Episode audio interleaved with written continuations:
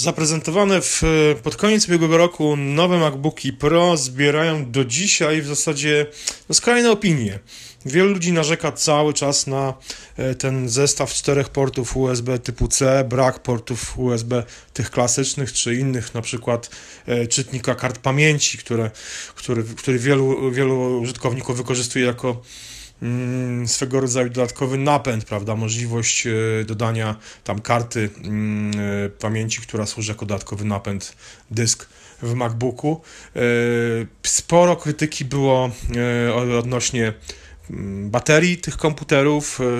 Wielu użytkowników przez długi okres narzekało na to, że te baterie że komputer bardzo szybko drenuje baterię i w ciągu kilku godzin w zasadzie potrafi się ją wyładować i komputer się po prostu wyłączał, e, co w przypadku np. długich lotów e, samolotem e, powodowało, że w zasadzie ludzie nie mogli pracować na tych maszynach.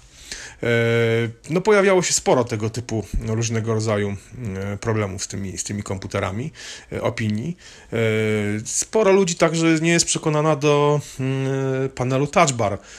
Mimo wszystko wielu profesjonalistów uważa, że te tradycyjne klawisze jednak były wygodne. Oni mieli pod palcami w zasadzie nie musieli na nie patrzeć. No mało kto, mm, kto dużo pisze na komputerze, patrzy tak naprawdę na klawiaturę, bo te wszystkie klawisze ma pod palcami. W przypadku panelu touchbar, no tam nie ma klawiszy, więc trzeba się automatycznie na, yy, na ten panel spojrzeć, oderwać wzrok od głównego ekranu.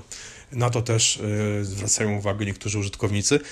I to wszystko odbija się w e, rankingu przeprowadzonym, e, corocznym rankingu magazynu Laptop Magazine, e, który ranking jest prowadzony od 2010 roku i od początku Apple zajmowało w nim pierwsze miejsce, bo to jest ranking producentów, ranking marek laptopów, producentów laptopów i Apple od, od początku, od pierwszej edycji zajmowało mm, pierwsze miejsce.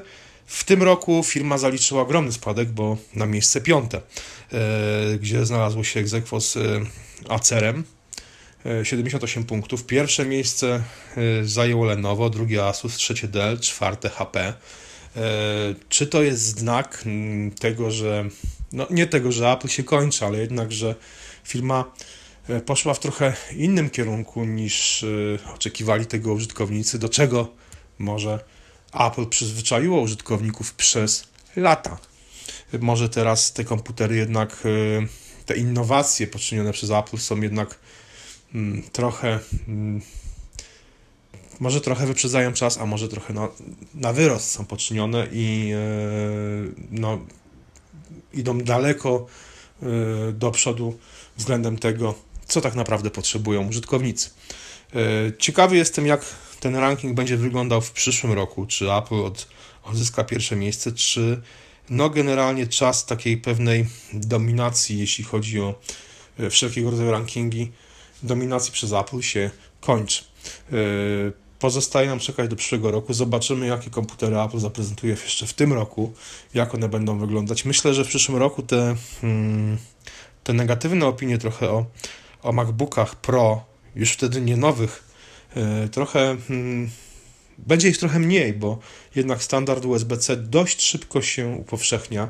Hmm, może jeszcze nie ma za dużo akcesoriów, które go obsługują, ale no wystarczy spojrzeć chociażby no, na telefony komórkowe. No, hmm, coraz więcej producentów telefonów z Androidem odchodzi od mikro USB, zastępując e, gniazda mikro USB właśnie gniazdami typu USB C.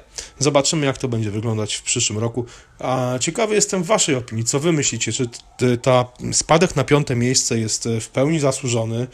Czy faktycznie e, te komputery Apple, e, przenośne komputery, MacBooki, MacBooki Pro nie są już tym, czym były kiedyś? Dajcie znać w komentarzach i do usłyszenia do następnego razu. Cześć!